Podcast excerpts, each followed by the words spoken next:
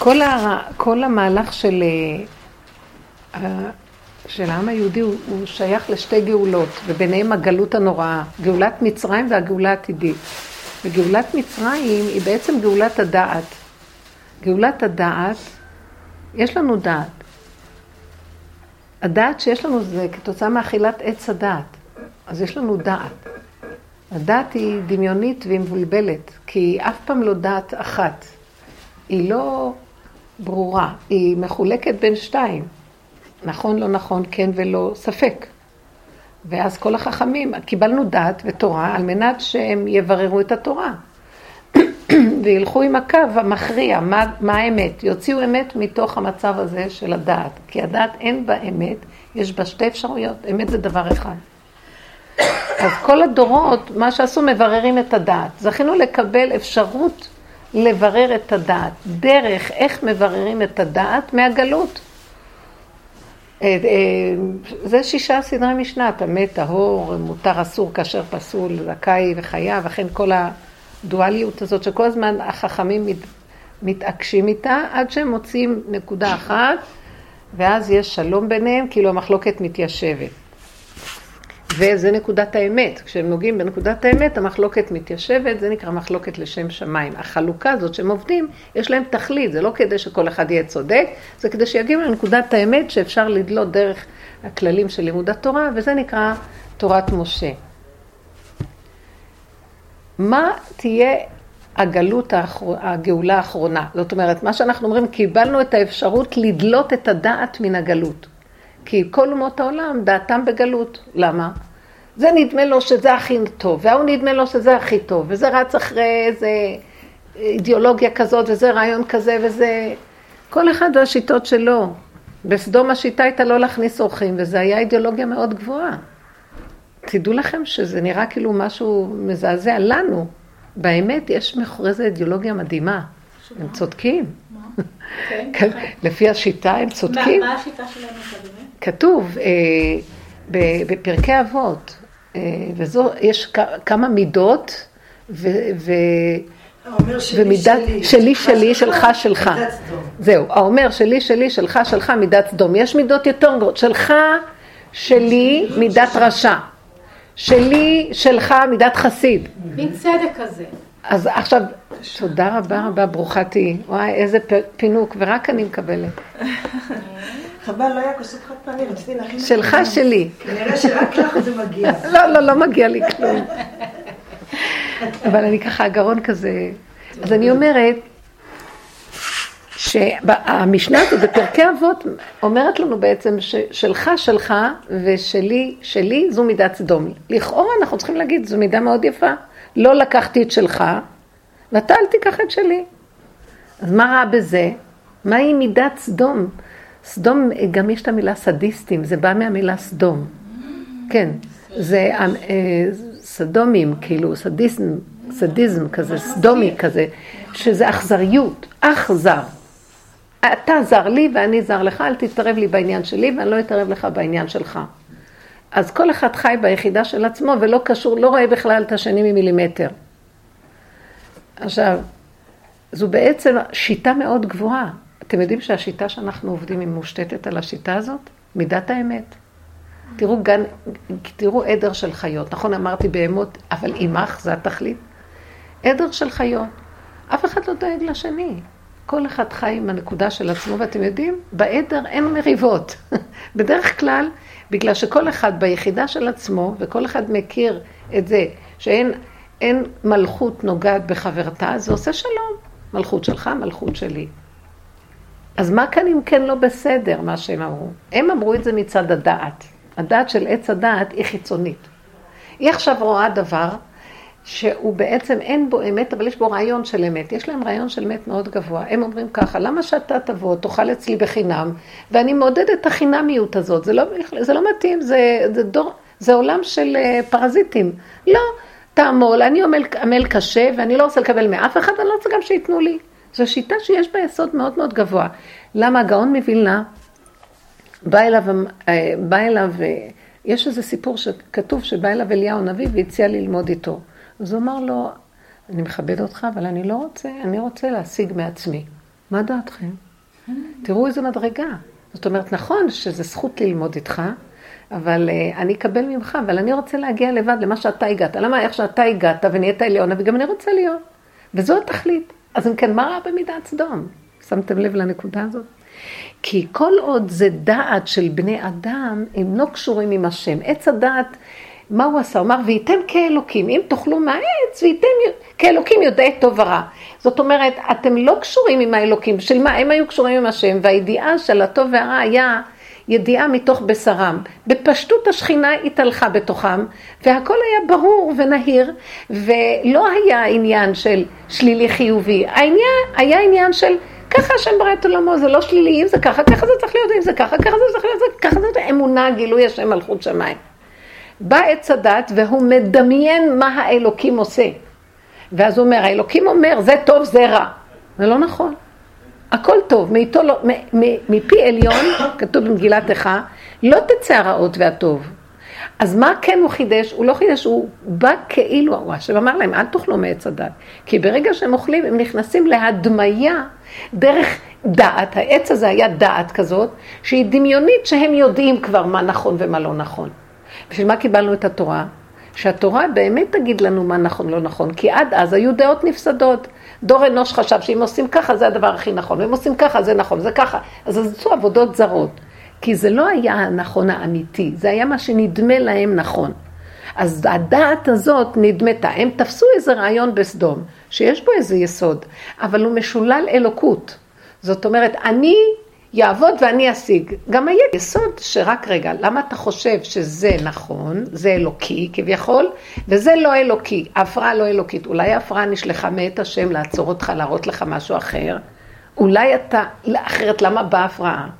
זאת אומרת, ביסוד הזה זה מין הדמיה שאני יודע מה נכון, עכשיו באה התורה ואומרת לא, אתם לא יודעים. מה חידשה התורה? התורה עדיין נשארת בגדר דעת.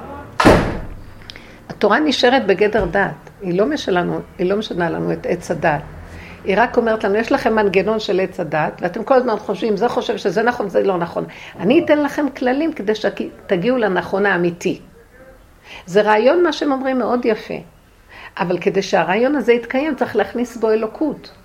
כי כמו הגאון מווילנה, זה רעיון מאוד יפה, אז מה הגאון מווילנה? איך הוא בכלל התיר לעצמו להגיד, אני לא אקבל ממך אליהו הנביא? אני רוצה לקבל מהעבודה של עצמי. כי הוא ידע שיש בו כוחו, בתוכו כוח אלוקי, שיכול להביא אותו, אם הוא יתאמץ, למדרגה הזאת. אבל לא כל אחד יכול לעשות את זה בטבע. זאת אומרת, יש לו איזה כוח אלוקי שעל הבסיס שלו הוא משתית את הרצון ליחידה מושלמת, ש, שאני מגיע בכוחות עצמי ולא אצטרך ולא אזדקק ללחם חסד ממישהו אחר. אבל לא כל אחד יכול לעשות את זה. כי אם אני אבוא מהאגו שלי ואגיד, אני לא צריך אותך כי אני הכל יכול מהכוחנות שלי, או מהדמיון, הגאווה והישות, ואני חושבת שיש לי על מה לסמוך, כי אני משפחה כזאת, כי יש לי זה ויש לי זה ויש לי זה. אז זה לא הולך נכון, כי אז אני משליט את הכוח הזה ואת הדמיון הזה על אחרים, ואז כולם חושבו, ואז כולם מתחילים להשתעבד לאיזה אדם שהוא בטבע ואין בו אלוקות. וזה בעצם כל היסוד של המלכים האלה, העריצים, שהוא אמר, פרעה, מי זה השם? אני לא יודע מי זה השם, מי זה השם כי ישמע בקולו. אני, לי אורי ואני עשיתיני, אני עשיתי את עצמי, מה פירוש? אני יודע הכל. והם לא היו אנשים פשוטים. הם היו אנשים מאוד חכמים בחוכמות גבוהות. והוא היה מלך, והכוחות השתעבדו לו, הוא פשוט, בסופו של דבר חשב שהדת שלו הטעתה אותו שהוא האלוקות, והוא יחליט מה, כי כוחי ועוצם ידים מספק לו את הכל. אז בא מתן תורה ועשה דבר אחר, הוא אמר להם, אתם קיבלתם, אתם נשארים בדת. הלוחות הראשונים פירקו לנו את עץ הדת. השם אמר, בלוחות הראשונים יש גילוי השם, תעבדו אותי כמו בגן עדן. לא זכינו להם, נשברו הלוחות, ואז אנחנו קיבלנו את הלוחות השניים, תורת משה. מה עם הלוחות השניים? זה אומר לנו ככה, אתם ואומות העולם אותו דבר, אותו מנגנון נשאר פה. אותו מנגנון נשאר פה. יש לכם דת, להם יש דת. רק לכם יש תוכנית שכל הזמן אתם צריכים להבין שהדת שלכם מטעה אתכם. אם תקשיבו לה לא טוב, תלכו לפי הדת שהתורה נותנת.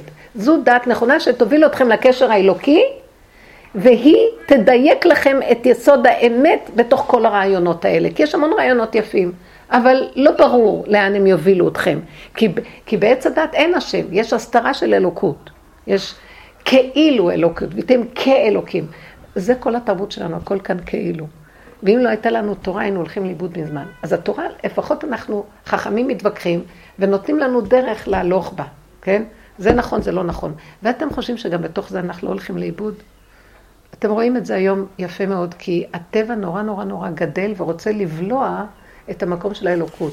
כאילו לא רוצים, עץ הדת לקראת הסוף, לקראת הסוף שלו, שיחריטו, יחרטו לו את הראש, הוא כאילו, זה הריקוד הברבור, שירת הברבור, מה שאומרים, הריקוד הכי יפה לקראת הסוף הוא עושה. מלא דעת, תראו מה הולך כאן, כמה השכלות, כמה הגיונות, כמה... זה הכל שקר, רבותיי, זה שקר, זה מתגלה. זה מתגלה. תארים והבלים ורעיונות וכותבים ספרים, דוקטורנטים ורעיונות.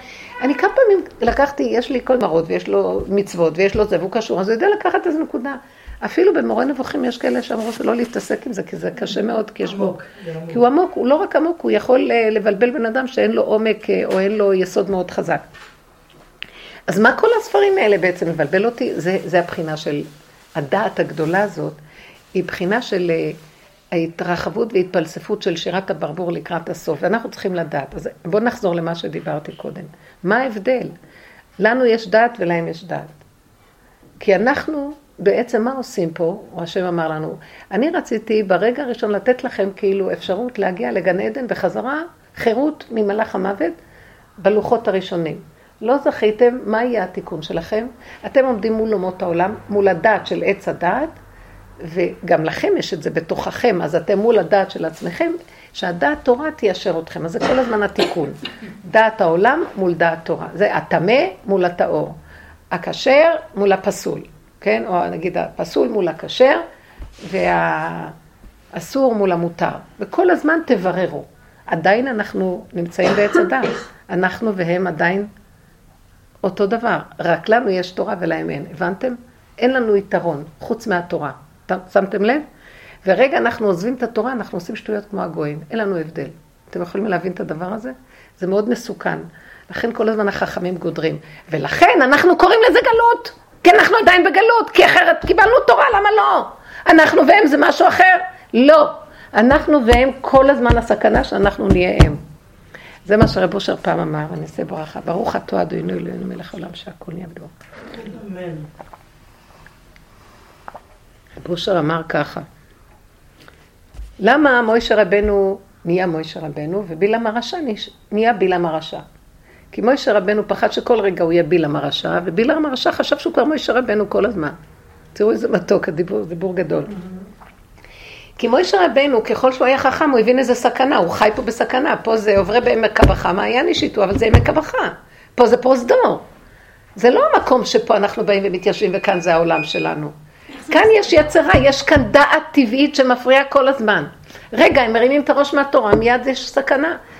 תלמיד חכם הולך הביתה, כל היום עמל בתורה, הוא בא הביתה, אשתו משגעת אותו על הפאות שלה, על הזה שלה, על זה, ומה החברה, ומה הפרנסה, ומה נעשה, והילדים, ואלה, הוא, הוא, הוא ילך בשנייה לאיבוד. אפילו אם הוא מחר חוזר לתורה. אז זה, עוצר אותו, אז כל פעם שהוא בא להתקדם לכיוונים, הוא בעצם נעצר. אין תמיכה נכונה, אבל למה דווקא היא למדה בבית יעקב, והיא הכל תומכת, אבל היא לא שמה לב. שהשטן הזה של לקראת הסוף, הוא לא יבוא, העץ הדת, הוא לא יבוא מזה שיגיד לנו זה לא תורה. הוא יבוא ויגיד, למה זה אותו דבר, מה יש? הולכות לעבודות, מביאים פרנסה, עושים כל מיני דברים, אבל מה? הן לא מבינות שאם הן נכנסות ללחצים והמצוקות של העולם, מביאות את זה הביתה, זה ישפיע על התורה. אז שבי בבית ואל תעשי כלום. אם את יודעת ללכת, לקחת, גם את צריכה לחיות בסכנה. כמו שהוא בסכנה בגמרא, לא ליפול בדעת הטבעית שלו, בהבנות שלו, בידיעות, וללכת לפי כללי התורה, גם את צריכה לדעת. יש עולם, אבל יש כללים. פתחו, פתחו, פתחו, והכל אפשרי, כי הן בנות, העיקר שהן שומרות שבת וטהרה והכל בסדר. זה, זה חיצוני. בנפש הוא גונב אותנו ברמות אחרות, ואז מתמוטטים, התורה מתמוטטת. זאת אומרת, אין כבר, הכל בינוניות, אין ממש... אה, עמקות. אין, לא מצליחים להביא את זה למקום אה, של לצאת מהמהלך הזה. ברוך.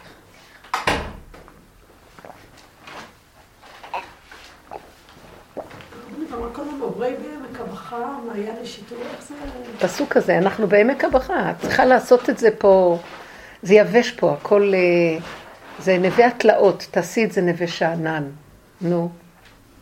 עכשיו, זה עבודה, את לא רואה את זה. יצאו, אנחנו צריכים אה, לקחת את. מה זה, מה זה לעשות מזה? אנחנו עוברים בעולם, והחכם לוקח את הנקודות שהוא צריך, הוא מגייר את הדעת הטבעית לתוך הדעת של התורה. עכשיו, איך כתוב שהם יצאו ממצרים, עשאוה כמצולה שאין בה דגן, שאין בה דגים. כאילו גנבו משם את כל הניצוצות ויצאו. לא שמצרים עכשיו התחילה לפרוח, היא קרסה. ברגע שהיהודים יצאו מספרד, ספרד קרסה. הם לקחו משם את הנקודות והעלו את זה. זה נקרא עוברי בעמק הבכה, לוקחים את אותו יסודות ומעלים אותם לשורש הנכון. אבל יש גם מצב הפוך, שאנחנו נלך בעמק הבכה ועמק הבכה יגנוב אותנו וניפול בו ונחשוב שאנחנו כן בסדר. אתם יודעים מה קורה? אנחנו רוצים לעשות את העולם טוב. אף פעם אי אפשר לעשות את העולם טוב. תיקחו מהעולם ותברחו, כי העולם הזה מעוות לא יוכל לתקון, אומר קהלת. זה בלתי אפשרי. אז למה אנחנו טיפשים? לא, כאן יהיה יותר... השם יביא לכאן נקודה, וגם הוא לא יביא בדיוק לרובד הזה של העולם. זה יהיה רובד יותר דק ועדין וגבוה. הגאולה לא תהיה ברובד הזה. בטוח שלא. יותר מדי שלילה יש פה, אי אפשר שכאן תהיה הגאולה. הגאולה תהיה ברובד של אנשים שיש להם, תחול על אנשים שיש להם יכולת אחרת. 80 אחוז מהיהודים במצרים לא יצאו. כי הם היו מדי במצרים. הם היו מדי עם המצרים. הם היו שייכים ליהודים, אבל הם הבינו שהתרבות טובה דווקא, למה לא? כמו מתייוונים. אז 20 אחוז יצאו. מה פירוש 20 אחוז יצאו? זה לא רק פיזי הדבר. אלה שיצאו הבינו שהם לא יכולים גם להיות בעולם וגם להיות עם השם. הם לא יכולים. הם צריכים לצמצם מאוד מאוד מאוד את העולם, ומשהו קטן מהעולם אפשר לעשות. החכמים יושבים בבית המדרש, והם לא שייכים לעולם, ומתוך זה הם לוקחים, מתוך מה שכתוב, מתוך הזה, הכל העבודה שלהם לגייר את הרע, לטהר את הטמא, היא מתוך קטן. הם לא ילכו בעולמות ויטהרו את הטמא, כי הטמא אה, יבלע אותם. אז העבודה היא להבין, החלק הראשוני של עם ישראל, זה המקום הזה של בירור הדעת. החלק השני זה סילוק הדעת לגמרי, הגאולה השנייה. ולפני לפני הגאולה השנייה צריכה שהדעת לגמרי תיגמר. צורת הדעת הזאת תיגמר. זה מה שנקרא קרב יום אשר הוא לא יום ולא לילה. אה, זה מה שנקרא שיהיה מצב שיטהרו את, ה, את החזיר. איך אפשר לתאר את החזיר? צורת החשיבה של השלילה, וה, המקום, ייכנס איזה אור כזה שיגיד להם, אין כבר לא טמא ולא טהור. זה קשה לנו להבין את זה עכשיו, כי זה הדעת שלנו עכשיו, יש טמא ויש טהור, כי אנחנו עובדים רק בדואליות. יש נמוך ויש גבוה. אה, אז איך זה יהיה? היום אני שמה דגש על נמוך וגבוה, אז יש כאן הפרד, יש כאן הבדל. אבל לעתיד לבוא, אני לא אראה נמוך גבוה, הנמוך והגבוה יראה לי את השם. הוא מראה לי את היחסי, הנמוך והגבוה מראה לי שמי סידר את הנמוך, מי סידר את הגבוה, אני אראה את השם. אז, אני, אז אם כאן, מה אכפת לי גבוה, מה אכפת לי נמוך? אתם מבינים מה אני אומרת? הטמא מראה לי את הטהור. אז אני כל הזמן עסוק בין הטמא לטהור, בין הטמא לטהור. יום אחד אני אגיד, בסדר, מהטהור מה? קדוש, קו האמצע. אז אני אפסיק כבר לחפש את הטמא. אתם מבינים מה אני מתכוונת? כי ברגע שיש גילוי השם, הכל מתבטל. זה כאילו אור גדול וכל החושך נעלם. זו דרגה שקשה להבין אותה. המהלך של... עכשיו, איך... אז מה... למה התחלתי את כל השיעור עם העניין של בהמות עמך? כי אנחנו צריכים, אם קיבלנו דעת, זה חלק ראשון. גאולת מצרים היה לעבוד על הדעת, להסב אותה לדעת תורה, והגאולה השנייה תהיה לפרק את הדעת לגמרי. בהמות הייתי עמך. כי אז יופיע האור הזה שהוא לא קשור לא לטוב ולא לרע. כי גם בתורה, התורה נצמדת לטוב ורע, טמא טהור, מותר, אסור, כשר, פסול. וזה המקום שבאים עתידין מועדות להתבטל, עתיד זה לצאת, הקורבנות עתידין, כל הדברים מתחילים להגיע למקום שלא צריך את התיקון של הדואליות. כי התיקון של הדואליות זה עולם היחסי, אבל כשמתגלה האור בכבודו ועצמו המוחלט, מישהו צריך את היחסי, היחסי הוא רק אמצעי להכיר את המוחלט.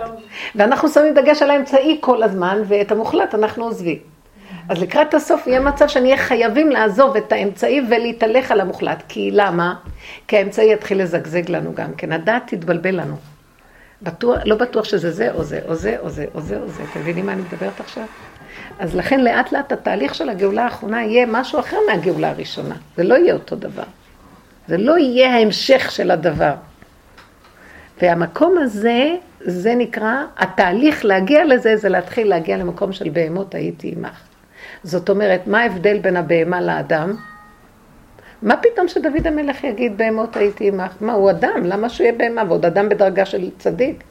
אלא, אלו, מה שאמר הפסוק, אדם ובהמה תושיע, אלו אנשים שהם ערומים בדת ומשימים עצמם כבהמה. זאת אומרת, הוא, קודם כל הוא היה ערום בדת, כל השלושת אלפים חמש מאות שנה של קבלת התורה עד כה, אנחנו ערומים בדת ועובדים בספרים ומתפרצפים, ואחר כך בסוף מה? משימים עצמם כבהמה. בואו נראה עכשיו, אדם שיש לו את הדת הכי גדולה,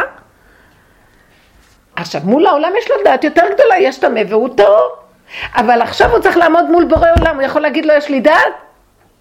אתה חייב מול בורא עולם להיות בהמה, בהימות עמך. וזה מדרגה מאוד קשה. קשה מאוד לאדם, לקראת הסוף, המהלך הזה יהיה הכי קשה לאנשים, בייחוד היהודים, כי אנחנו כל כך מדרגת אדם, איך אנחנו נפרק אותה? להיות בהמות, עמך. זה יתחיל מאנשים, ובזכות הנשים במצרים הגאולה הגיעה, כי להם יותר קל לעבוד עם המקום הזה פה בזמן שהגברים יש להם את יסוד הדת ועוד בכלל עוד לא הייתה אז תורה ועכשיו יש תורה ועוד יותר קשה. ככל שיש יותר תורה יותר קשה להגיע לגאולה. השנייה, האחרונה. כי הגאולה האחרונה תרצה מקום אחר לגמרי. תלמד תורה ויש מקום לתורה. חוץ מזה תדע שגם אתה לומד ואתה כל, לא מגיע לך כלום ואתה לא בעל מדרגה ואתה אין לך. כי מול בורא אתה כבר מתחיל להיות לא מול היחסי אתה מתחיל להיות מול המוחלט אין עוד מלבדו, ואין לנו אלא לשאת את עינינו אל אבינו שבשמיים. למה יצ... השם יצטרך להביא סיבות שזה מה שיקרה. כי אנשים ילמדו תורה ויעשו תורה וזה, ו... ו... ויראו את השקר ש... אנשים הם, הם מבוהלים היום ממה שקורה. אתה כבר לא יודע. כאילו, נכון, יש חכמי תורה ויש זה וזה, ויש כל מיני הנהגות וכל מיני צורות וכל מיני דברים שמקשים עלינו להגיד מה קורה פה בעצם. יש משהו שלא... אנחנו רואים שעולם התורה יוצאים ממנו כל מיני דברים לא בכלל לעניין, ולא כל כך ברור שככה זה צריך להיות, ולא ככה, יש בלבול קצת.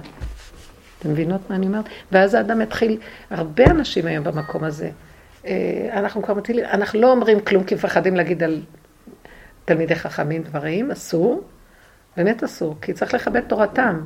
אבל מצד שני כבר מתחיל להתערער האמון במערכת.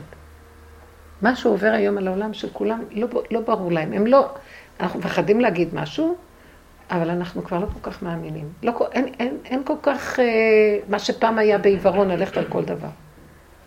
ואז זה המהלך שהשם עושה במיוחד, או בכוונה הוא עושה שהמהלך יהיה ככה. כדי שלא יהיה לנו על מה להיאחז ולהישען רק עליו. אפילו לא על גדולי תורה. כן. וגדולי תורה יכולים להיות גדולי תורה, והם גדולי תורה והם צדיקים והכול, אבל יבוא משהו שיבלבל בכוונה לקראת הדבר הזה. כי אומרים הרבה דברים בשמם, וזה לא אומר שזה נכון. אני באמת לא יודעת, יהיה בלבול, פשוט. אני לא יודעת מאיפה ולמה וכמה, אבל יהיה בלבול. וזה השם עושה בכוונה. וזה לא בגלל אנשים, לכן צריך להיזהר לא לדבר על אף גדולי תורה ועל אף אף אחד, ולא להתערב בשום פוליטיקות, ורק לדעת שזה זמן של לך מי בוא בחדריך, סגור דלתך בעדיך. מקסימים הם הולכים לגדול תורה זה לקבל הלכה, או לקבל משהו שבאמת מצד הדת אפשר עוד לנקות ולהגיד שיש כאן איזה נקודה. גם זה כבר בלבולים. אבל לא כל שכן הנהגות, ולמי אני אהיה שייך, ומה אני אעשה, הכל מבולבל, וזהו. וגם לא, לא, לא, לא להביע דעות. הדעות היום הרסניות, משוגעות. אסור להביע דעה ולהתווכח בבית על דעות ופוליטיקות ועניינים. מאוד מאוד להיזהר. אני ראיתי כל פעם שזה זה, זה שטן מסכסך. ואין צורך. לא, לא שייך, לא, לא יודע, לא יודע, לא מבין, לא יודע מה קורה, לא מבין. אנשים יביאו את השלום למקום הזה, כי לא צריך לנו להיכנס שמה.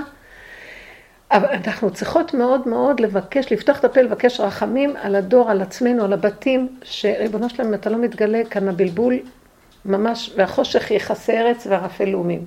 ועלייך יזרח השם, ואורו עלייך ייראה. זה נקודה דקה של עבודת נפש פנימית, של אמונה פשוטה, לא להתערבב. עכשיו, באתי להגיד שאנחנו בעולם שלנו חושבים שיש לנו דת, אז נתערבב בעולם, כשיש לנו דת תורה, ואנחנו יודעים איך לשמור על עצמנו, ואתם לא יכולות לתאר לעצמכם מאיזה מקום יבוא הדבר הזה ויבלבל לגמרי את כל...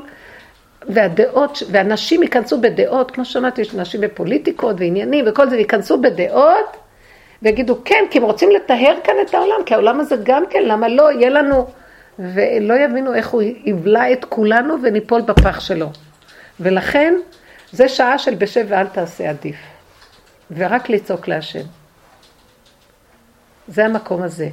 ונשים יודעות להגיע למקום הזה, אבל מה שקרה, שפרעה אמר את הבת תחיון, כל השיטה של פרעה חוזרת שוב בגלות השנייה, זו אותה שיטה. אה, ואנחנו הולכות על כיוונים לא טובים ומשפריצות המון כוח לא נכון. ואז הבתים, אפילו גדולי תורה בתוך הבתים, אבל הנשים עוצרות את המקום הנכון כי מסעירות את התורה, בגלל שהן מביאות הרבה עולם לבית. אני לא מדברת רק על החומר, על כל התפיסה של החיים. בוא נגיד אפילו, הן לחוצות מהפרנסה ולא הולך, והצ'קים לא הגיעו וזה, ואז הן משתפות את הבעל, והבעל מתחיל להתבלבל והם מתבלבלים וכולם מתבלבלים. וגם הבעל רוצה להיות בעניינים כי הוא הבעל, כי הוא צריך לדעת איך לסדר את הפרנסות, והם לא מבינים שזו הכסילות הכי גדולה. תברח לתורה שלך ותניח לה את הכל. ותברך אותה, תתפלל עליה ותסמוך עליה, אבל באיזשהו מקום תן הנהגה. תן בבית הנהגה, לא להתבלבל מהעולם, זה מה שאנחנו עושים. כאן זה לא העולם במיטבו, זה, זה פרוזדור, לקראת הסוף. לא השתנה דבר ממה שאמרו לנו חז"ל, מההתחלה. זה פרוזדור, את כן את צריכה בפרוזדור, הכל צריך להיות כאן, ועכשיו עוד יותר פרוזדור. יותר ממה שהיה. ככל שהטרקלין של העולם מתרחב, עשו את הפרוזדור טרקלין, אנחנו צריכים עוד יותר להיצמד לפרוזדור ולהישאר בדקות במעבר הזה, ולא, כי זה יהיה עוד יותר גרוע, כי לקראת הסוף שירת הברבור הזה של הטבע, עץ הדעת, מתרחב כביכול. בחוץ זה שיגעון, ההשכלות, וזה הכל אחיזת עיניים, כי זה הכל, אה, זה, זה ים של כסף, פשוט הם עושים כסף מהתלמידים, והם עושים... זה קשה, קצת היה לי קצת חוויה קטנה והשם לא הסכים לי. לא שזה היה המטרה, אבל בעוד, בסופו של דבר, כשהסתכלתי אמרתי, במוסד שהיה לי, אמרתי, למה, מה התכלית של כל זה? כל היום, כל היום לשרת את הבירוקרטיה ואת הפקחים, מפקחים ואת, ואת ה, כל התוכניות שלהם, וכל היום לריב על התקציבים, וכל היום, בשביל מה? שיגידו שיש זה וזה, ובשביל מה? מה, באתי ככה? זה לא היה התכלית בכלל. שם השם סייע, לא חשוב. אבל הנקודה היא שהולכים לאיבוד, מאוד מאוד.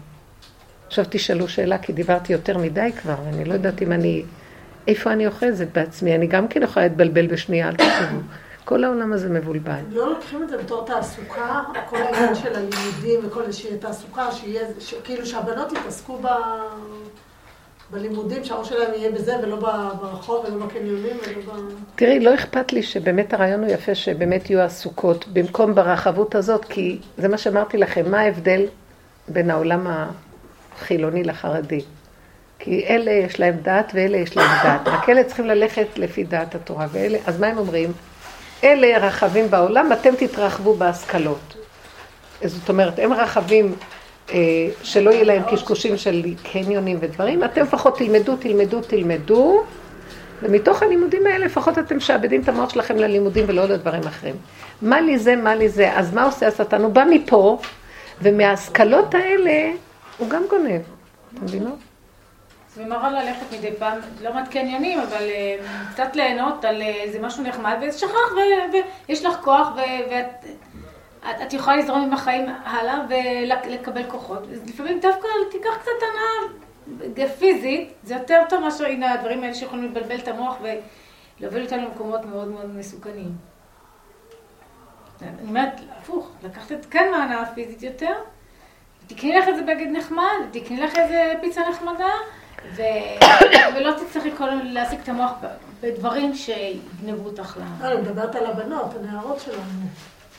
הנערות, צריך להעסיק אותן כאילו מבחינת הסמינרים וכל זה שהם כאילו מה. אחרת מה הם יעשו? גם ככה יש להם הרבה זמן. מה זה? זה משחקים הכל. לא, אני רוצה קצת לכוון לנקודה יותר עמוקה. אני שומעת אותך, ואני אומרת לעצמי, כאן קבוע הכלב. זאת אומרת, את אומרת דבר נכון, אבל בואו נברר אותו. סך הכל מה שאני אמרתי קודם, תבדילו. שהעולם הזה, זה לעומת זה עשה השם. אז העולם החרדי גם כן מתרחב, רק הוא מתרחב בידיעות ובשכל, כדי שהבנות לא יסתובבו ברחובות, נכון? בסופו של דבר הן מתרחבות. הרחבות פה והרחבות פה, מה לי רח... בכלל לא, בסמינר זה קורה כבר. לא, כן, שהם לומדים אותם, הם מלעיטים אותם. מה לי רחבות פה, מה לי רחבות פה. תכבד העבודה על האנשים בחומר ובלבנים ובכל עבודה קשה. זה עבודה קשה וזה עבודה קשה, וזה, יש פרעה ואומר, תכבד העבודה על האנשים. ואני אומרת דבר הפוך. נכון ש, שמה שאמרנו בהתחלה זה, זה השיטה. תראו, תראו את השיטה בעולם שלנו, כי זו השיטה של תורת משה. אנחנו בעולם הדעת. לא תוקן עץ הדעת, עדיין, הלוחות הראשונים לא זכינו להם. הלוחות השניים, אנחנו בתוך הדעת. אנחנו לא בעולם המוחלט, אנחנו בעולם היחסי. אז במקום שנהיה שליליים כמוהם, נעשה לפי החוקים של התורה, אבל אנחנו בתוך העולם. נכון? אז מה, ש, מה שאנחנו עושים, רק אנחנו לא נעשה מה שהם. אבל מה שאנחנו עושים, אנחנו לוקחים את אותו עיקרון של התרחבות ומתרחבים רק בכיוונים האלה. גם ההתרחבות היא מסוכנת. כל העניין של התפיסה של היהדות פרוזדור, העולם הזה הוא פרוזדור, הוא צריך להיות בכל התחומים, הכל בקטן. ההתרחבות גופה, אז כאילו אומרים, לא, הם מתרחבים, גם אנחנו נתרחב. רק אנחנו נתרחב בדברים האלה. זה גוף הגונב אותנו, שאנחנו והם מתחילים להגיע למקום שמה ההבדל?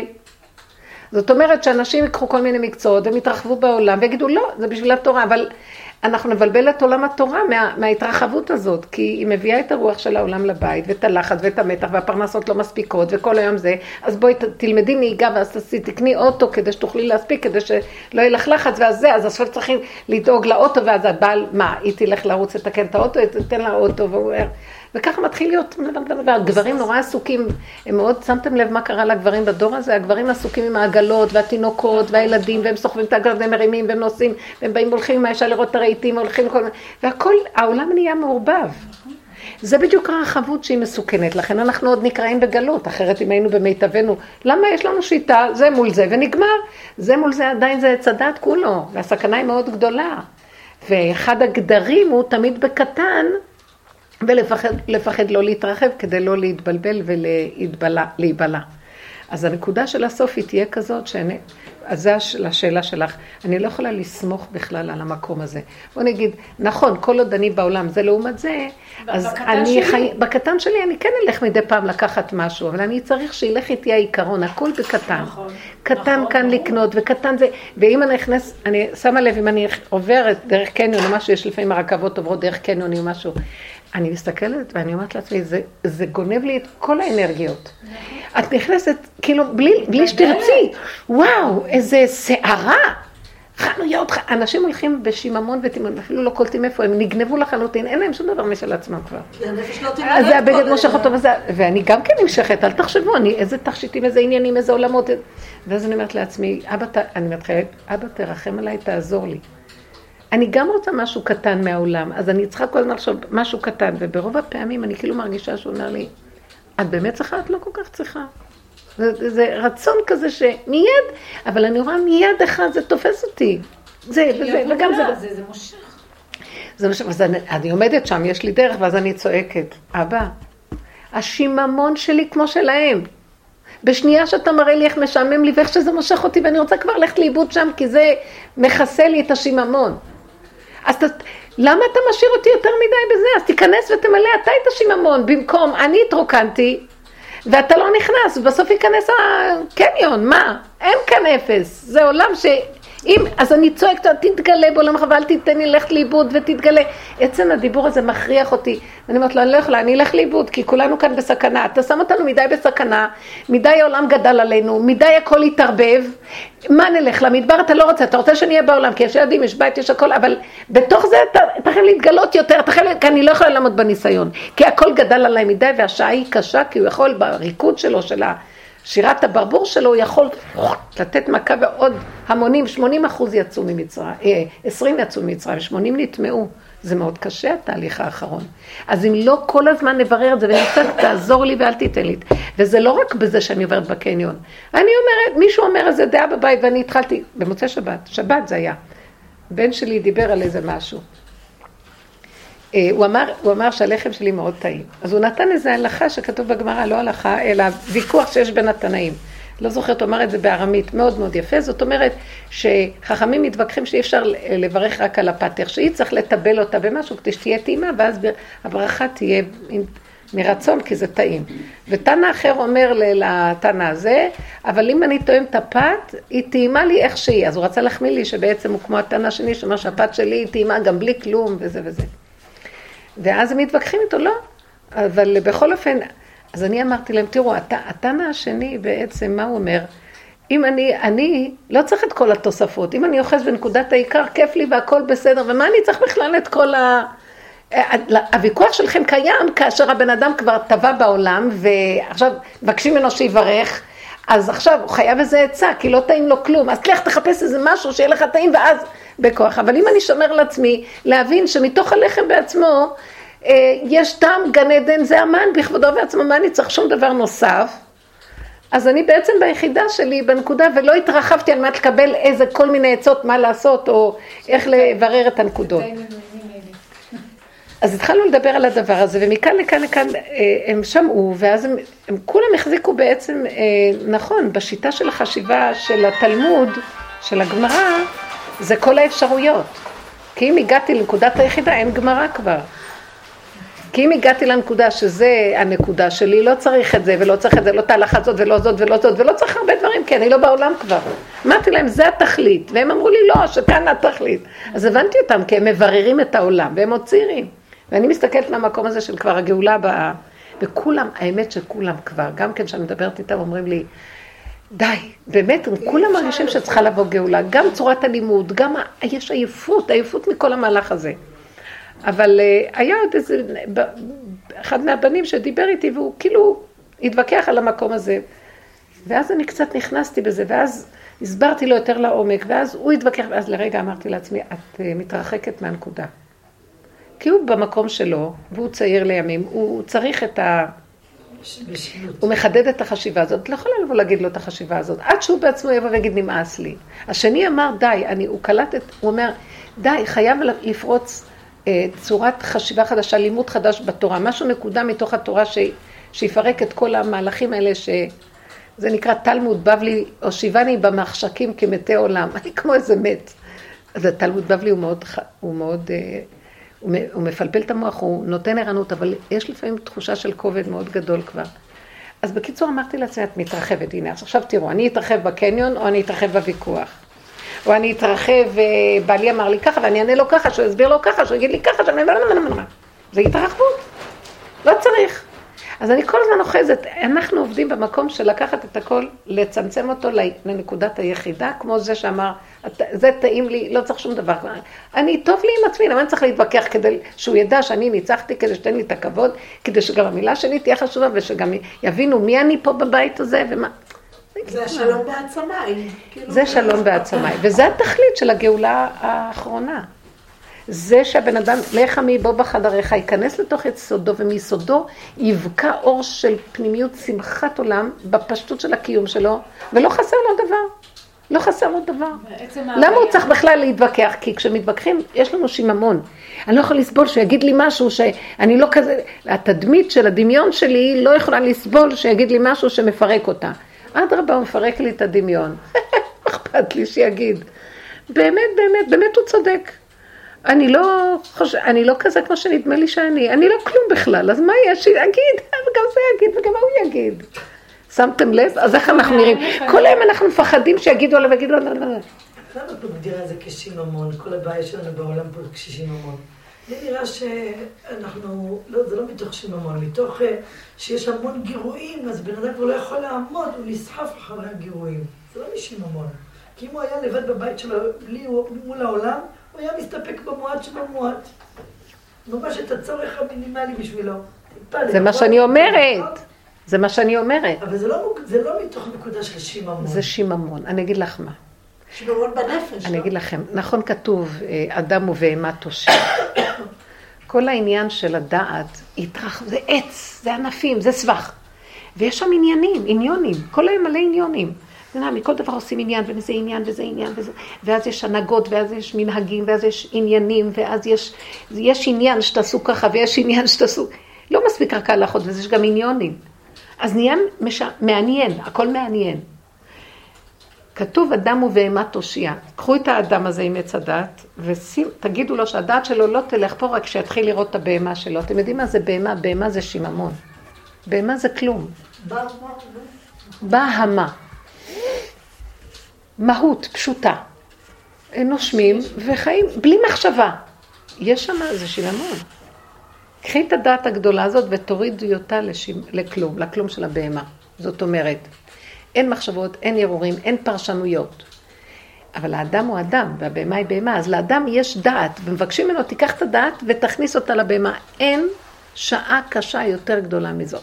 בוא נגיד אישה בהיריון, שיודעת שיש לה, בעזרת השם, תינוק, ועוד מעט הוא יצא, והיא שמחה בו, והיא שמחה במחשבה. אין לה עוד את התינוק, בוא נגיד לידה ראשונה. היא שמחה בו, והיא שמחה, והיא הולכת וקונה ועושה ומסתדרת, ושמחה שיש לה.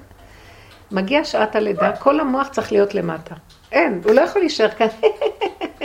לוקח, לוקחים לה את המוח, ומביאים אותו עכשיו רק למקום שאין לה ברירה אחרת בכלל. זה מאוד קשה, זו השעה הכי קשה. כי אז היא רואה את הבהמה שלה, זה החיה, הן נקראות חיות, כי חיות הנה. ושם הוא מתגלה. כי הוא לא בעץ הדעת. העץ הדעת זה הדמיה של כאילו וזה וזה והשם והרוחני ועניינים והבנות והשגות וספרים נחתמים ודעות ורעיונות וויכוחים והכל. זה לא השם. להגיע להשם זאת תהיה השעה הכי קשה בעולם. אז הוא אומר לנו, יש תהליך. אז עכשיו את אומרת, למה בן אדם ושיממון? כי באמת, באמת, באמת התכסינו. האדם נוצר עפר מן האדמה ויפח באפיו, וייצר השם אלוקים את האדם עפר מן האדמה ויפח באפיו נשמת חיים. תוציא את הנשמת חיים, מי הוא האדם? עפר מן האדמה, גוש מהלך. אז נכנסה בו נשמת השם. מה עשה עץ הדת? צילק את נשמת השם והתיישב פה.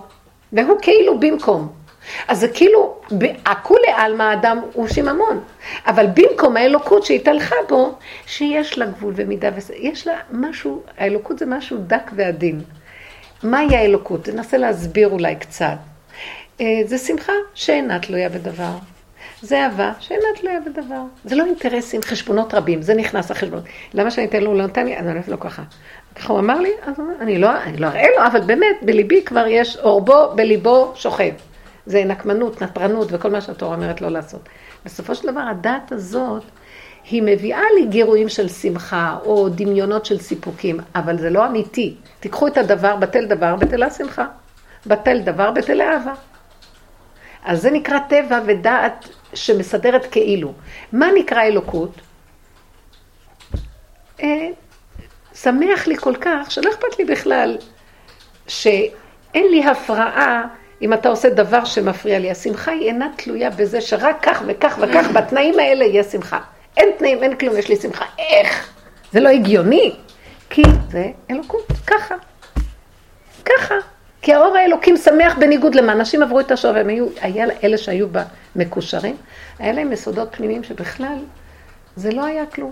איך יכול להיות שרבי עקיבא סורקין את בשרו במסרקות ברזל, והוא אומר, כל ימיי ציפיתי מתי תבוא לידי והקיימנה. זה נראה שהוא במצב הכי טוב בעצם, הוא בעצם אומר, אני, הוא באמת, כתוב שהוא לא הרגיש מסרקות ברזל, כי כוח אלוקי היה שם, יכול להיות שהשם ירגיש מסרגות ברזל, חס ושלום, כך גם רבי עקיבא לא ירגיש. אז הוא היה במקום אחר. אז עכשיו תבינו איפה, מה זה יסוד, אני מנסה להסביר מה זה יסוד אלוקי ומה זה יסוד עץ הדת. ואנחנו מתגעגעים למקום הזה, כי כל הזמן אנחנו מאוד מאוד עמלים קשה על החשבונות רבים של העולם, וזה מעייף. כמה נחשבן בשביל שככה, כמה צריך לרוץ בשביל לאכול את הלחם הזה. דיברתי היום עם הבן שלי בבוקר, אברך. אז הוא אמר, כאילו אנחנו מדברים על הדרך, אז, אז הוא אמר לי, אבל תראי, בפועל מאוד קשה. כל הכסף, שר, רק מרוויחים ישר הולך. על החשמל, על הגז, על המים, על האוכל, על ההתחייבויות, ועוד שיש להם דירה, תראו לכם שלא היה דירה בכלל, איך החיים נראים. אז הוא אומר, זה לחץ נוראי כל הזמן. והיא עובדת, והיא רצה והולכת, עכשיו היא חוזרת, ועולה חמש מקומות, ועד שזה... ו... אז אמרתי לו, אז בסופו של דבר, בתהליך הסופי שאתה מסתכל, מה ההבדל בין זה ש... ש... שישבו ולא היה להם את כל, האנשים לא יצאו לעבוד, והם כולם איכשהו אכלו משהו. כי באיזשהו מקום להתקיים, אתה לא צריך את כל זה, אבל אתה מקיים דמיון מאוד גדול על הראש שלך, וזה השק שאתה נושא. אתה לא מקיים את עצמך, עצמך צריך קצת, וגם ילדים צריכים, מה הם צריכים לאכול? יותר מדי, היום האימהות מפחדות על האוכל שלהם, שיאכלו ויאכלו ויאכלו. אני ראיתי עם הנכדים שלי, צלחות ענקיות, בלי עין הרע, ואני מסתכלת על האימהות, והן מבוהלות להכין את הילדים. ילדים לא צריכים את כל זה. הם גם אוכלים, בוא נגיד, הם מאכילים אותם גם לפני, אחר כך הם מתיישבים בשולחן, שגים את כולם, וגם אוכלים מנה זאת, ועוד מנה ועוד מנה, והשתגעו לגמרי. שימו אותם בבוידם, מה זה? תנו להם לאכול לפני, טוב לתת לילדים לאכול לפני, ושילכו לשחק, יש גיל שהם לא יכולים לשבת בשולחן. מפריעים לגדולים, האמא לא אוכלת, וזה מתבלבל. די, טיפשי הדבר, מה עשיתם מהם? הילדים מושכים את המבוגרים. כאילו איזה ילד קטון נוהג באדם גדול, ומשגע אותו גם, והאדם הגדול מעריץ את הקטן. זה נהיה דעת מטומטמת. אז אמרתי, תראו, אם אתם חיים בשביל הקיום הפשוט, לא צריך את כל זה. רק בשביל הקיום המינימלי, אפשר לשבת ולהרוויח את, אפילו את הסכום הזה אפשר להרוויח בצורות שונות חכמות. אישה חכמה עושה מפה, לוקחת מפה, בונה כאן, הולכת קונה, זה, זה, זה. יש המון דברים מדהימים שלא חשוב עכשיו. אבל להתעקש שהמוח ננעל, שככה תהיה תורת החיים. אתה פשוט מפרנס איזו צורת חיים שהיא עליך לטורח ולשק, ואותה אתה מפרנס, לא את הגוף שלך ולא את הקיום שלך. הקיום שלך לא זה כל זה. כאילו הקיום שלנו נהיה במוח גדול. צריך גם זה וגם זה וגם זה, וצריכים לקנות, צריכים לראות לחנויות, כי הבגד, הבגד, הארונות מפוצצים, ילדים יש להם מלא בגדים. יש מלא, הכל מלא. זה מוגזר. אבל היום זה לא בדיוק, כי היום יש אה, רק שכירות או משכנתה. נכון. ורק לשלוח את הילדים, כל ילד לתלמוד תורה, יותר מזה כלום, לא יודע, אז כאילו... המציאות היום לא היה שבן אדם מתחיל אבל אם פעם היו לומדים, אלה שלמדו תורה, מה עשו? הם גרו בתוך, במקומות שכל אחד קיבל חלק קטן והיה משהו שיתופי קצת שעזר להחזיק את המהלך של התורה. היום, מה פתאום, כל זוג מתחתן, הוא רוצה ממלכה של עצמו. עוד לא התחתנו בכלל. זה, אני לא נכנסת בזה עכשיו איך לשנות את זה, אני רק נותנת פנסים לראות את המקום. אז, אז ודאי, אתם רוצים גדלות לעצמכם, תפרנסו את הגדלות שלכם. לא בזמן שיכלו לחיות אחרת. זה קשה מה שאני אומרת. בשיעור הקודם, לגבי הבן שלך, שסיפרת את הקושי והכל, בסוף סיכמנו שאת רוצה ללכת עם הטבע. כאילו, צריך ללכת מהלכים בטבע. אבל עם הדעה... אז התחלתי לחשוב שבעצם כל השיעורים מיותרים, כי אנחנו הולכים בטבע ולהישאר בטבע, וזהו. אנחנו בטבע, אבל עם, עם קרן אור פנימית ש, של תוכנית אחרת. אנחנו נשאר בטבע כי לא בשמיים היא ולא במדבר ולא מעבר לים. אנחנו נשאר בטבע כי שם השם רוצה שנגלה אותו. בתוך התרבות הזאת, אבל בקטן, כי אי אפשר, אי אפשר בתוך התרמית הזאת, כי היא תבלע אותנו. אז צריכים הכל בצמצום. אתם מבינות מה אני אומרת? הכל בצמצום. כי זה גדלות משוגעת. אתם יודעים מה? רוב היום הבתים ריקים ואנשים ברחובות. משלמים שכירות לבתים ריקים. רוב היום. אז למה שלא כולם ישתתפו בשכירות, וזה ייקח חדר, חדר, קחו חצרות גדולות, הילדים ישמרו, יש משהו שהוא... אבל לפחות מגיעים בערב למחר... מגיעים בערב, אז יש להם את היחידה הפנימית. היה, יש משהו שעכשיו, אנשים אז לא היו עסוקות, היו רבות, בוא נגיד שנשים היו רבות בחצרות. אבל נשים היום יכולות לעשות דברים. אני חושבת שהיה אפשר לבנות את החיים פחות הוצאות. אם היינו מפרקים את השיטה של הגדלות הדמיונית, איך שאנחנו רוצים לחיות, מנותקים, אף אחד לא יגיד לנו מה לעשות, אנחנו יודעים הכל, אנחנו עם עצמנו, יש לנו מלכויות, אבל לכו תהיו עבדים של המלכויות. ו... ובסוף התסכולים אוכלים אותם, אנשים הצעירים, וזה אחרי שבכלל ההורים נתנו להם את כל העזרה, ואין להם יכולת לכלום. אבל הם נורא רוצים את העצמאות, הם כל ילדים קטנים דבילים, סליחה שאני אגיד, כי זה ברור, עולם התורה לא יכול להחזיק את עצמו. הוא לא יכול להחזיק את עצמו, ויש המון גניבת דעת בתוך הסיפור הזה. כי עולם התורה לא בא כאן לשבת, הוא, הוא בא, זה פרוזדור, בא לקחת את העיקר וליצור מצב ש, שאפשר בתוך העיקר הזה גם קצת להיות בעולם, אבל להיזהר לא להתרחב. אז עכשיו מה אנחנו עושים? השטן הזה נכנס, אנחנו מתרחבים ואומרים תורה תורה, ובכלל כבר תורה את לא יודעת מה. אתם מבינים מה אני אומרת? אולי קשה. עכשיו ניקח את הכל, אז בואו ניקח את זה בדברים אחרים, לא בשיטה החומרית החיצונית. אישה אומרת, אני רק רוצה להגיד מילה לבעלי, מילה, מילה, מילה, מילה, התרחבה כל היום, קשקשים רבים. נשים אומרות לי שלא מפסיקים את הוויכוחים, הוויכוחים לא מפסיקים. אני אומרת לה, בשמה בכלל לדבר. מילה קטנה, תעביר את המלח, מה נשמע, איך היה, מספיק. מה את חושבת? לא, אנחנו צריכים זוגיות. לא באתם לעולם לזוגיות, דבילים שכמותכם, אין פה זוגיות בכלל. באתם לעולם, האיש צריך עזר כנגדו, כי יש לו תכלית לתקן, לעשות ככה דרך התורה, דרך זה מה שהוא עושה. יש נקודות דקות, עדינות, ועוברים את המהלך. לא, הם רוצים להתיישב פה על קורסה וזוגיות. זהו מאותו עולם, כי זה העולם שלהם, אין להם עולם אחר. ואנחנו הלכנו לאיבוד בדבר הזה לגמרי. ולכן, פסיכולוגיות של אומות העולם, הכל, הולכים גם לסקצונות. אני משתגעת, הולכים למען לא הולכים היום. ממש השתגעו. לאן? מה? מה רוצים? כי, אין, כי חושבים שזה התכלית פה, הכל, שכחנו לגמרי. מה את אומרת? את אישה צעירה. לא, בכלל הראש שלך בכלל לא יכול להבין מה אני מדברת, כי את אומרת, מה, העולם לפניי והכל לפניי, העולם, איזה עולם? איזה עולם? על איזה עולם את מדברת? תקשיבו רגע, על איזה עולם? כי זה לא מה שהתורה רצתה מאיתנו. בתוך הגדר יש עולם מתוק. יש את החגים והמועדות, גם זה צריך לא מדי להתרחב בהם, מדי בחומר, מדי להשתגע, מדי מנהגים, מדי, מדי... מדי קניות. מדי נסיעות, מדי עולמות, מדי טיולים, מדי חופש, מדי, מדי. זה פשוט אה, יצא מהגדר. מה? רק רגע. מי, מי? הבת שלי. זאת הכלה. הבת שעומדת להתחתן, כן. אז היא אמרה לי, תשמעי, החמות הזאת מתערבת יותר. מי, מי? החמות לעתיד. היא מתערבת יותר מדי, היא כל דבר רוצה להתערב, וכאילו שהיד שלה תהיה בכל דבר. אז אני החלטתי משהו, אני בלילה חשבתי והחלטתי, אמרתי לה, מה החלטת?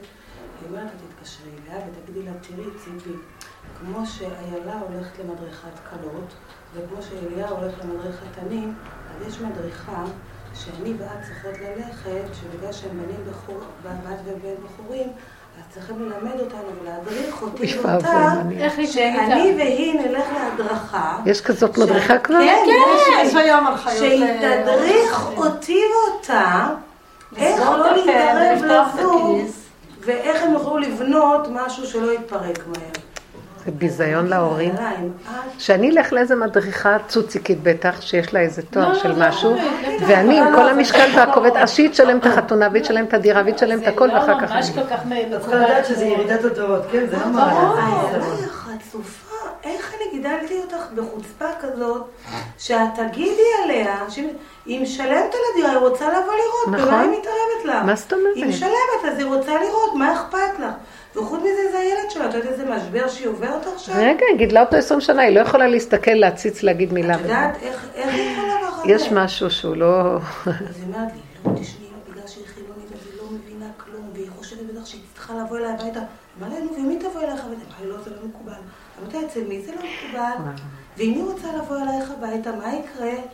לא, לא באים לזוג שנה ראשונה, ואתה אמרתי לה, כל פעם שהייתי הולכת לסמינר, הייתי אומרת לך, היה לה רק שלא יקלקלו אותך. כל פעם אמרתי לך את זה. איזה פשטות של תמימות. ההורים נותנים את כל מה שיש להם, והם לא יכולים להיכנס אלינו הביתה. ולמה, מה יקרה? למה?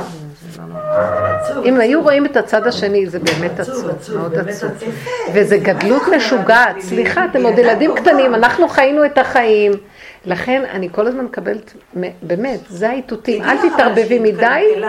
כי גם לא תקבלי מדי, למה לך? בעצם מקום... זה טוב שאת נותנת לה חיזוקים. מאוד הייתה כזאת, ילדה מאוד... לא להסיק אותה נגד כל הכבוד, באמת. לפחות זה לא. לא, באיזשהו מקום. אבל יש לה מידות, מה פתאום המאורסת הזאת פתאום מתקלקלה ככה? זה לא שמה פתאום, זה השיטה. על הדלת סכנה, כאן בונים, ככה אומרים על הדלת של הזוגות שמצויים. כאן בונים כאילו לא להתקרב. נכון, מההתחלה צריך לא להרחיב מדי בילדים. מההתחלה, מההתחלה לגדל, בדיוק, זה לא מתחיל. זה לא מתחיל. אבל אם לאמא הזאת יש צורך כן להתרחב, עכשיו אני אחנך את האמא הזאת? לא, לא. אני, או הכלה תחנך אותה. שיתמודדו ביניהם. כן, זה החמות, ככה היא, היא כזאת, נו מה? אז כאילו מה את קוראת אותה לסדר? מה את עכשיו רוצה לשבת אותה? היא צריכה לחשוב עליה מחשבות חיוביות. ונגיד לי, כן כזאת מתערבת. אם לא הייתה האמא הזאת, לא היה החתן הזה. זה מה שאימא שלי כל פעם אומרת. תגידו תודה רבה לאימא של הבחור. איך הרבנית אומרת לך? כי את צדקנית, אבל בלי צדקות. לא, אבל באמת יש כאן משהו. אני לא צדקנית, אני גם אמרתי, עברתי דברים עם חמותי, זיכרונה לברכה, אבל בעלי נתן לי על הראש, היא האימא, ואת לא תשני אותה, את ילדה קטנה, תינוקת. עכשיו שיש לי בעיות קצת קלות עם חמותי, עם הקלות, אז בעלי נותן לי עוד פעם על הראש, אמרתי לו, סליחה, שהייתי קלה צעירה, וואי, לי, עד כאן. זהו, אני לא זזה מהמקום שלי, אני במקום שלי. חמודה. שיגעון, אז עכשיו מה, היא חצופה והדבר הזה? אבל כתוב, על כן יעזוב איש את אביו ואת אמו. זה לא אומר שהוא ייתן להם בעיטה. על כן יעזוב וגם דרך אגב ייתן בהם בעיטה רצינית. יזרוך עליה בדרך. היא לא מדברת. כן, זה נקרא. היא רוצה להתערב. אבל היא רוצה להתערב. זה תלוי, אתה יודע, כל זה פה תדעי לך שאם היא- הם בעזרת כן, השם יצליחו ביניהם. הוא יסדר את העניין. מה? הדיבורים אם שלה. ביניהם יהיה, בעזרת השם שיהיה בסדר ביניהם, עכשיו תראו משהו, אני רוצה להגיד לכם משהו, הנה תראו מה צורת חיים מולידה אם אין את הדרך שלנו, כי הדרך שלנו מההתחלה, אמא צריכה הייתה לגדל את הילד עם מרחק, כי זה של השם ולא שלה. מההתחלה הייתה צריכה לדעת, גם כשהוא נהיה חתן, הוא גם צריך לדעת, לא, הוא חתן, יש לי סחורה, אני הולך לסדר, ינגנו האנשים לפנינו, ואני, ויש לי משהו, ואני חיה, השיממון שלנו חי דרך הילדים, דרך הבעל, דרך זוגיות, לא אז צריכים לסדר. זוגיות, צריכים לסדר את הילדים, צריכים לסדר את החתן, צריכים לסדר את הכלה. זה, זה, זה קיבלת לראש, תעמדי בצד, נהיה ישועה, תעמדו בצד. אם מגדלים אותם ככה, גם כשהם מתחתנים, תעמדו בצד. גם הילדים לא יגידו, אנחנו לא רוצים אתכם, כי כל הזמן זה הולך גירוי תגובה. בגלל שאנחנו מתרחבים עליהם, אז גם הם אומרים ככה. אבל אם אנחנו חיים בנקודה שלנו, הם יימשכו אלינו, כי הם יראו שיש לזקנים יותר חכמים, הזקנה זה שקנה חוכמה, ושיש להם יכולת להשפיע ולתת להם עזרה ולעזור להם ולשמוח איתם, והם ירצו גם, אה, הם ירצו את הקרבה, כי כולנו היינו יושבים בדלת אמות של גילוי שכינה בתוכנו, והשכינה מושכת ונותנת מתיקות אהבה, ואין את המריבה שתלויה בזה או זה או זה או זה. מה שאת מציירת, אני עכשיו יכול להגיד לה, היא גידלה אותו, גם זה. היא גידלה אותו, בגלל שהיא גידלה אותו, מגיע לה מכות. למה היא גידלה אותו? השם מגדל. זאת האמת. ברור שדרכה זה קרה. אני מתכוונת שתסבר את דעתה. ברור, אתן מדברות על פי טבע, ואני מדברת עכשיו מנקודת האמת. אם כולנו היינו חיים ברובד הנכון, שזה האור הגנוז, היינו רואים שהשם עושה הכל, וכלום לא שייך לכלום, והוא מסדר את השידוך, והוא גם מסדר את הזוג, והוא...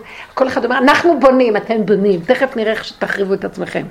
אה, השם בונה, כי אם השם לא יבנה בית, שב עמלו בוניו בו. ואיש ואישה זכו שכינה ביניהם, תעשו עבודה כל אחד על הנקודה שלו, אז עכשיו מזה סוגרים את הדלת ואנחנו כל היום מוצי פוצי, מה נשמע? היא רוצה לרצות אותו, הוא רוצה לרצות אותה, והולכים למדריכים ולחתנים, ותקני ככה, תעשי ככה, לא תעשי ככה, כן תעשי ככה, בסוף אחד קם לשני ובולע את השני, כי זה הכל טבע, זה שטן גונב, זה הכל אומות העולם, זה לא עובד ככה אצלנו. מה לעשות? נכון, התורה נותנת גדר, נקי יהיה לביתו שנה ראשונה, זה מאוד יפה. זאת אומרת, לא על האישה הנקודה, על הבעל. שהוא לא יהיה כל כך בעולם, ולא ילך כל הזמן לאימא שלו, וגם יישאר בבית, עם אשתו, ויהיה זה, ויעשה ככה, ייתן לה תשומת לב יחס, ינקה, יעשה, יבנה את היסודות של ביתו. אבל הוא נותן גדר, התורה נותנת גדר. פטרה אותו מהמלחמה, פטרה אותו מכל מיני צורכי ציבור. כי יש כאן נקודה, אבל הצורה של זה היום נהיה, אל תיגעו לנו, אל תראו לנו, אל תעשו לנו, אל כלום, תביאו, תביאו, תביאו, תביאו, שלום. ואז לא, והבנות מתקשרות, אמא את יכולה להביא לי אוכל היום, אמא את זה, תביא לי זה, את קנית לי, אולי תביאו לנו משהו. ואין בושה ואין לנו כל היום עם ה- הרבה הורים מאוד שבורים מהנהגות, וזו התוצאה של החינוך. חינוך של האנוכיות לא נכונה, זה כאילו הם בונים את עצמם, זה לא נקרא. זה לא נקרא בנייה, בנייה זה שהיחידה עצמה בונה, אבל הם לא ראו את זה מהבית. עכשיו, ברור שהאימא תסבול, כי היא לא בנתה את הנקודה מההתחלה. והבת תעשה בדיוק אותו דבר לאימא שלה, או שהכלה, לה- לה- וככה זה, כי ככה זה, העולם מקולקל. אז יש כאבים, זה הכאבים של העולם. ואם היינו מתיישרים בקו נכון, למה לך בכלל לשים את האף שם בכלל? יש לך את החיים הכי טובים מעצמך, שהם ירוצו אחרייך, למה שאת תרוצי אחרי מישהו בכלל? נכון. כי את כוח המושך יותר, בגלל שלך יש את היותר חוכמה, יש לך יותר ניסיון, יש לך יותר ממון, יש לך יותר יכולת מהזוג הצעיר. אז למה את רצה אחריהם? כי יש משהו אצל ההורים, כי את יודעת מה, ההורים שמחתנים הם מלאים שמחה ורצון להשפיע כמו משוגעים. הרגש גואה עליהם, כי משעמם להם עם עצמם. סוף סוף יש להם איזה פרויקט להתלבש עליו ולשמוח דרכו. אל תגידי לי לא, אני אומרת לך דבר של אמת. כי אם אדם הוא קשור עם אלוקיו, ובנקודה הפנימית, בלי הפינוקים של הריגושים והסיפוקים של העולם, הוא לא היה רץ לשום מקום, הכל היה בקטן ובעידון, והוא לא היה חוטף גם את המכות. פשוט. אבל אנחנו יצאנו מהגדרים לגמרי, גלינו מארצנו, נתרחקנו מעל מציאות אדמתנו, וזה שאין לנו את השכינה בתוכנו. לכן אנחנו חיים, זה באמת מרגש, שאני גם כן מצאתי את עצמי, אומרת, ריבונו שלום, תזמן לבן שלי זיווג וזה וזה. אחר כך אמרתי לו, תן לי שמחה בבית, אנחנו צריכים שמחה בבית. ואז פתאום קלטתי מה אני מבקשת, שמחה בבית, למה ככה לא שמח לך איתי? רק אם הוא יתחתן יש שמחה, ואת לא, אני איתך כל רגע מתחתן, את לא שמחה בי?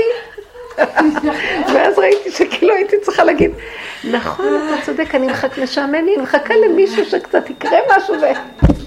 מה יש? רגע, רגע, היינו צריכים להיות כל כך שמחים. לא לחכות לאיזה חג או לאיזה אירוע או לאיזה דבר, לא, הרגע הזה, איזה חיים, איזה נשימה, איזה מותק. אני כל כך אוהבת אותך, כיף לי להיות איתך, אני מרגישה איתך.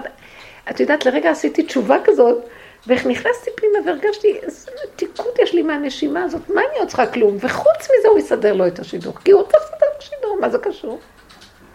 אז זה כל המעורבות היתרה שלנו. לפני שבועיים הייתי בשיעור. מאוד יפה ממה שסיפרת. ובשבוע שעבר היה לי קשה להגיע, ואמרתי, תעזבי, אל תלכי, תישארי מה שנשארת לפני שבועיים. את אמרת, כאן ועכשיו, לחיות כאן ועכשיו. ושבועיים ככה אני חיה, כאן ועכשיו, כאן ועכשיו, מציל אותי. אתם לא מבינים, כי אין יותר מכאן ועכשיו כלום. זה דמיון שיש שם, ומחר, ואם הוא יתחתן, ומה יהיה זה, ואז מי זאת הקלה? כל הסקרנויות, הריגושים, הסיפוקים, כי ריק לנו, כי אנחנו לא מחוברים מיסודנו, עוד צעד אחד אחורה קדימה, זה קצת נראה כאילו עוזבים את העולם, אז עוד צעד קדימה מחבק אותנו השם. בואו אליי, הוא אומר, מה אתם חיים, ממה? ואז אתם תתעלקו עליהם, ואז יהיה סכסוכים, ואז הטבע משתולל, למה אתם צריכים את זה? זה שיגעון מאוד גדול, וככל שאדם רוצה להיות פרטיות שלו, לא נגמר לו הדבר הזה, הוא יהפך להיות כמו סדום ועמורה. סוגרים, סוגרים, סוגרים רק לעצמם. הם הופכים להיות, הם, אני לא רוצה להגיד לכם, אין טיפת חסד של נתינה, רק לקבל, לקבל, לקבל, לקבל. זה משהו שהוא מאוד מאוד קשה ולא לא מוצאת כמעט, זה לא פשוט. תלוי, תלוי, אבל יש, זה תרבות כזאת. לא נורא, והנקודה שלי היא להגיד, ריבונו שלם, אי אפשר לתקן את העולם הזה, הוא מעוות. כל פעם אני רואה בדרגות דקות, העיוותים נורא נורא גדולים. בייחוד התוכנית של הגלות של העולם היהודי, היא הכי מעוותת מכולם. אתם יודעים למה? כי בחוץ המסגרות, כולם רואים כבר דברים, אה, יש כבר מצב כזה של... כולם רואים את השקרים וקצת מודים בהם. אנחנו, כאילו, כשבא האור, הקליפה היא הראשונה שקולטת אותו. בוא נגיד על התפוז, הקליפה של התפוז קולטת את קרני השמש. עד שהוא מגיע לפרי עצמו, לוקח זמן. ואנחנו האחרונים שנתבונן ונראה את האמת. כי זה קשה. לא, זה לא מצד שאני חלילה באה להגיד דבר של שלילה. כי, כי אנחנו במיקום הכי נמוך בעולם, מבחינת הגילוי האלוקי. עם ישראל הוא בגלות, מה שכל העולם לא קיבל על עצמו שום דבר. אז יש להם שביבים של אה, תודעות, תודעויות, מודעויות, לא יודעת מה, בש, בשקרים שלהם. קודם את אמרת שאי אפשר לתקן את העולם. מצד שני כתוב שכל מעשה טוב שאדם עושה, הוא דן את העולם לכף זכות, וההפך. אז יש השפעה מאוד גדולה. בטח שיש השפעה. את רואה שהעולם עכשיו לא נחרב? אני מתיימרת לעשות איזה מעשה טוב שישפיע טוב על העולם. בסדר, אבל יש משהו אחר שאת יכולה לעשות והוא ישפיע הכי טוב על העולם. לתת מקום להשם להתגלות בעולמו. במקום שאת תעשי מעשה וזה ישפיע טוב על העולם, שיתגלה השם בכבודו ובעצמו, ואז טיפת אור קטן שלו מרפא הרבה חולים ומסדרת את כל הבלגן והעניות שיש פה והכל זה. זה משהו אחר, זה אור חדש, אור כיוון חדש. זה, זה, זה דבר גדול. לבקש, לבקש, לבקש. כשיש את התוכנית שאנחנו עובדים בה, לבקש אותה, לבקש להתחנן. מה אנחנו רואים? אה, וה, והכללים שנותנת, זהרו מההתרחבות, זהרו מההתרחבות של מחשבה, דיבור, מעשה, של זמן ומקום. לא להתרחב במקום, להתרחב בזמנים, להתרחב במחשבות. הכל זה מחשבות. אתם יודעים שאין זמן ואין מקום, זה המוח יצר את המצב הזה. כי יש רגע, נניח שאת רגע בשיממון, יש איזה מקום שפתאום יש לך בלקאוט, ואת לא יודעת איפה את יושבת מיד ומה את וכמה ומתי, מה היום, מה השעה ומה כלום. זה רגע שהמוח רגע נעצר, אותה תוכנה. באמת, באמת, באמת, אין כלום. אז מה הוא רוצה להגיד לנו? אבל אנחנו בעולם, אז יש עולם, אבל בקטן, של רגע, כאן ועכשיו, במקום זה כאן, ברגע זה עכשיו. עוד פעם, עוד פעם, עוד פעם. פתאום את רואה המון הררים של דאגות, של מחשבות. מה, אני חושבת ככה, יש הצעה נניח, אז אני אומרת, מה ככה, לא ככה, כן ככה, ככה, אני חושבת, אני אומרת, לא. כרגע יש הצעה, עשיתי אה, ברור קטן, נקודתי, לא צריך עשרים אנשים, לא צריך כלום, נקודתי, נקודתי בקושי. ועכשיו אני אומרת, אה, בוא, בוא, בוא נראה, אם זה מתאים ושייך, שיעשו מפגש. מה יהיה, איך יהיה, לא יהיה, זה מתאים, לא מתאים, כן, זה מיותר לחלוטין. הכל נקודתי, נקודתי, כאן ועכשיו. אם רואה שמשהו זז וזה הולך, זה מתאים, זה מתאים, עוד נקודה קטנה, עוד נקודה קטנה. בוא נגיד שהחליטו שכן, וסוגרים. נקודה קטנה גם בשמחה. נקודה קטנה, אני חושבת שאת נוהגת יותר נכון. בנקודה של מה לשמחה, מה זו עושה, כל הבילויים האלה, ריצות האלה משמחה לשמחה, כל היום רצים בבני ברק לשמחות, אני רואה שם, זה מקום קטן, כל הלילה נשים הולכות מאולם לאולם, לאולם חתונה זל טוב, זה הנהגה יפה, אז אומרים שלא משמחים חתן וכלה. אני מסתכלת ואומרת, מישהו אומר מהצד, נקודת אמת אחת פנימית שקיימת, הכל היה צריך להיות יותר קטן. יותר קטן, יותר פשוט, יותר אמיתי, יותר... אה, באמת, מקום פחות תוצאות, פחות בלבולים. אלה באים מפה, אורי צפון ובואי תימן. באים מקצות העולמות לאכול את הזה. ההכרזה אומרת, האוטובוס נוסע שעתיים, אלה כולם רצים לעולמות שלהם. למה שלא יעשו בשכונה, יסגרו את הרחוב, ופסי יבוא עם הכינור, ויוסי בטוב. חמוד פשוט. הכל פשוט, הכל קטן, פחות זה. לא יצטרכו להוציא הוצאות גדולות על דירות. הבנייה הייתה יותר אה, מין בתים גדולים שיכולים להכיל כמה אפשרויות. לא חשוב, אני לא מדברת על זה, אבל בוא נגיד על הנקודה הזאת של כאן ועכשיו. קטן, זו שמחה.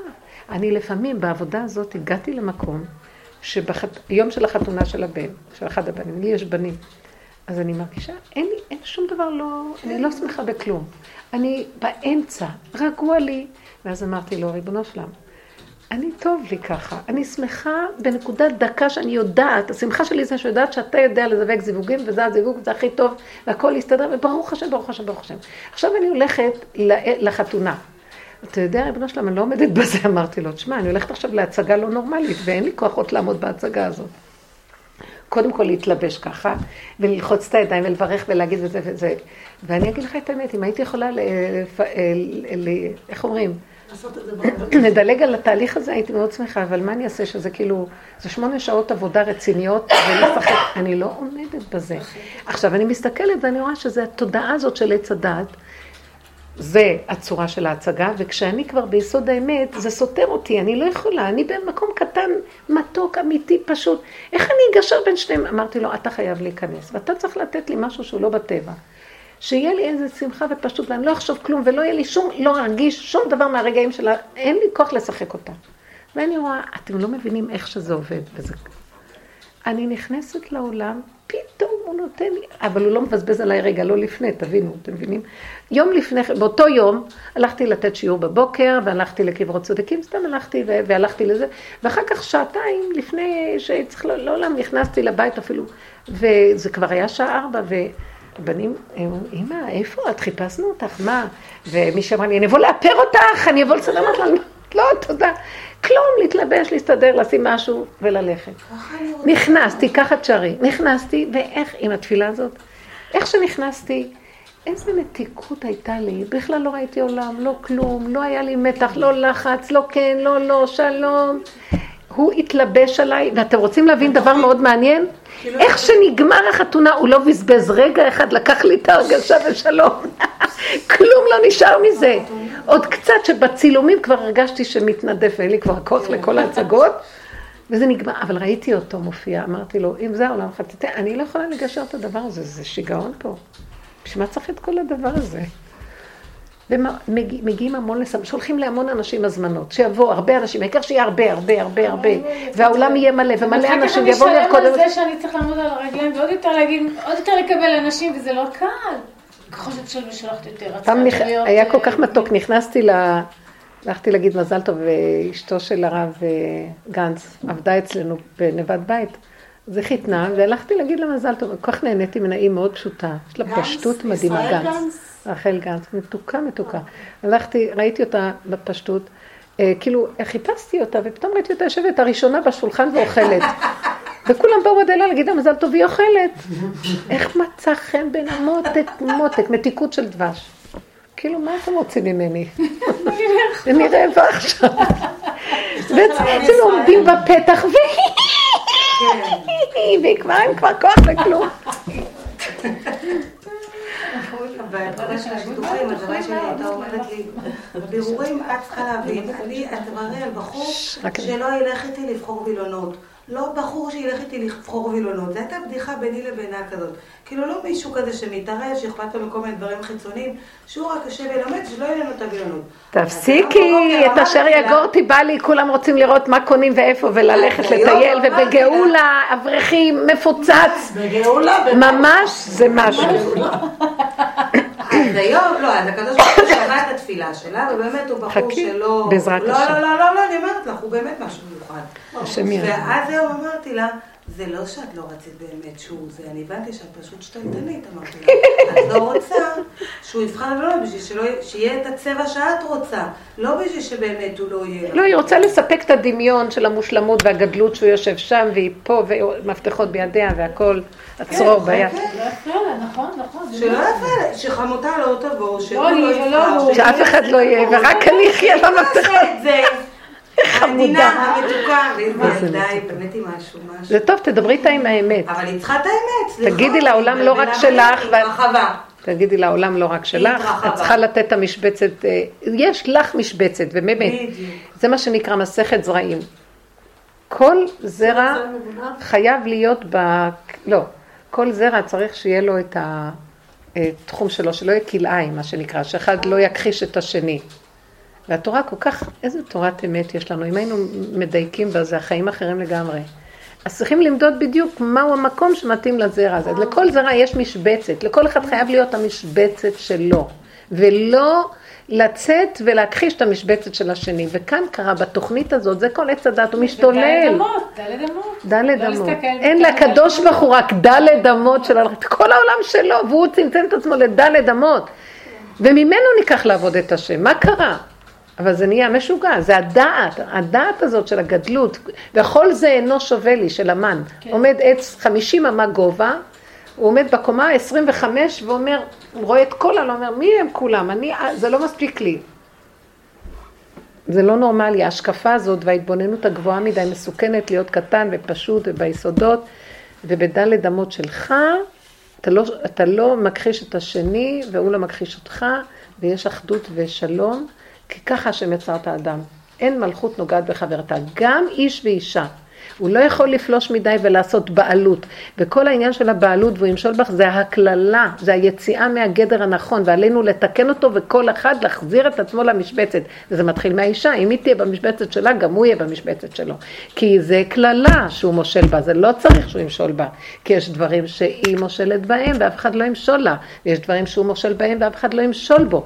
ויש חיבור וריקוד יפה בין שתי הקבוצות, כשהקדוש ברוך הוא מופיע ואומר, עכשיו צאו מהמשבצות ואני מחבר ביניכם. אם אתם תצאו לבד, אחד יאכל את השני, אש אוכלת. אז הנקודה היא מאוד דקה של עבודה דקה והתבוננות עצמית, כי אחרת זה לא ילך. וזה החכמים, איך הם כל היום גודרים וסוגרים ועושים זייג, סייג, גבול ומידה לכל דבר. ועשו משמרת למשמרתי, כל הזמן לעשות סדר, גבול, סייג וגבול. במיד... הם עושים את זה בתורה ובהלכה, ואנחנו צריכים לעשות את זה במידות. בכלל, איפה תורת המידות בעולם שלנו בכלל? אין מידות, יש גדלות, גאווה, חופשי חופשי. הכל בסדר, כוחנות יוצאת, רח, רחבות.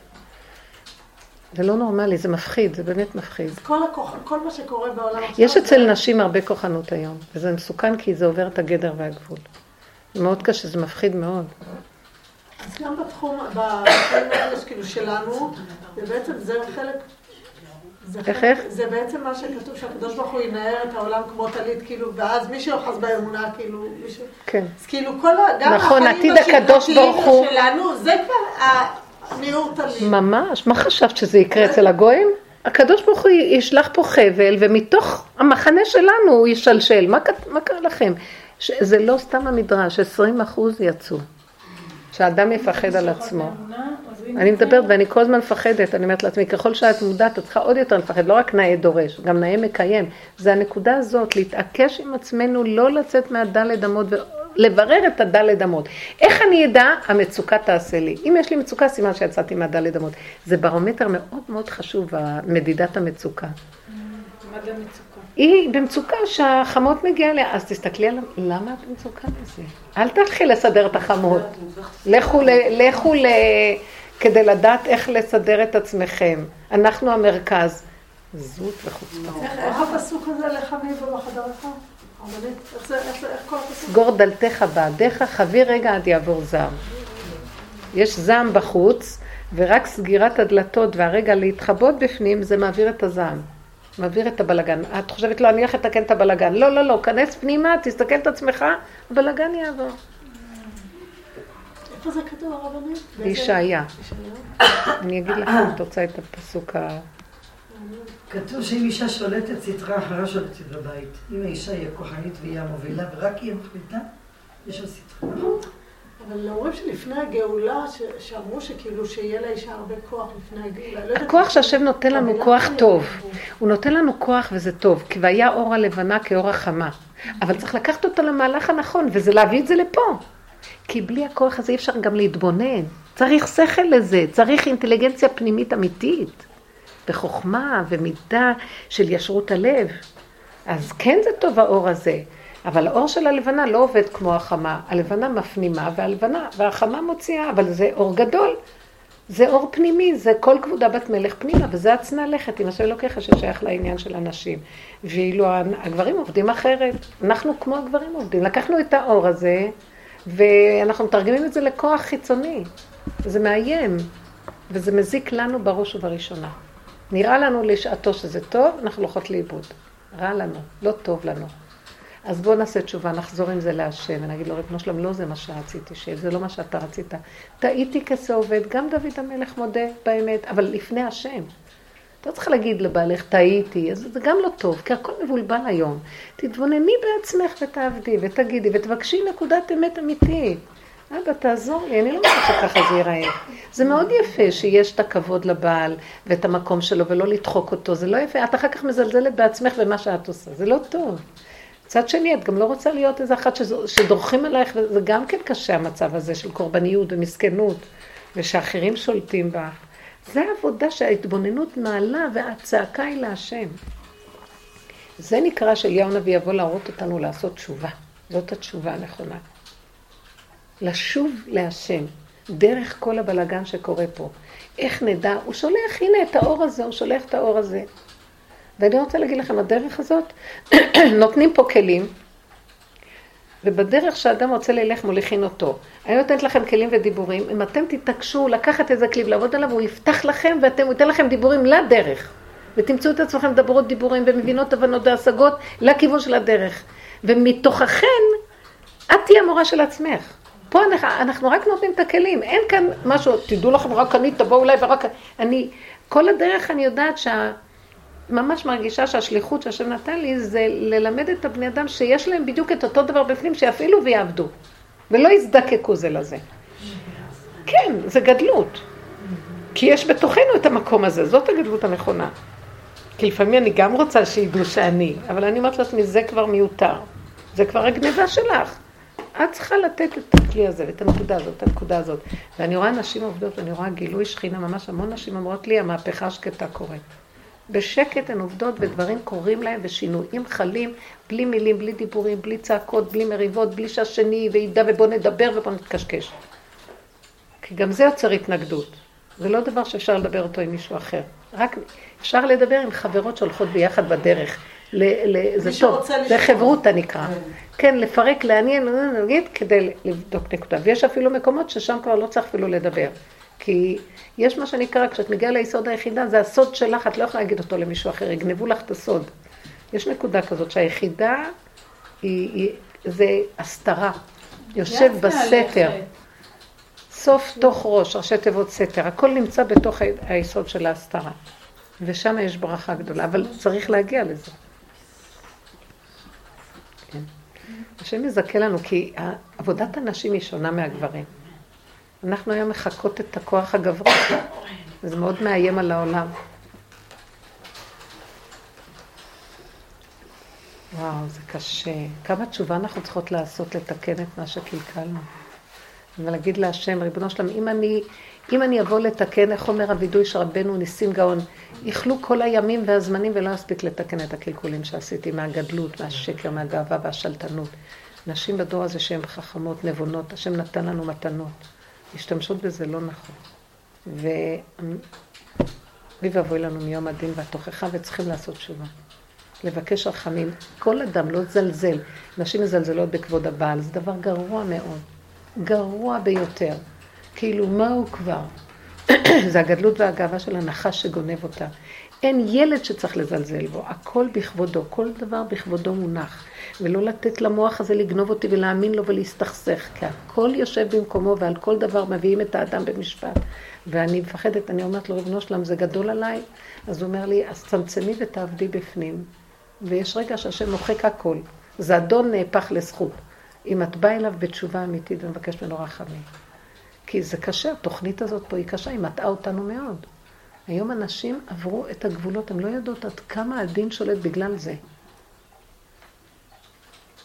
השם יעזור לנו ויזכה לנו לתשובה שלמה, אמיתית, מתוך אה, אמונה ודבקות הבורא, אמן, כן יעשה. כן.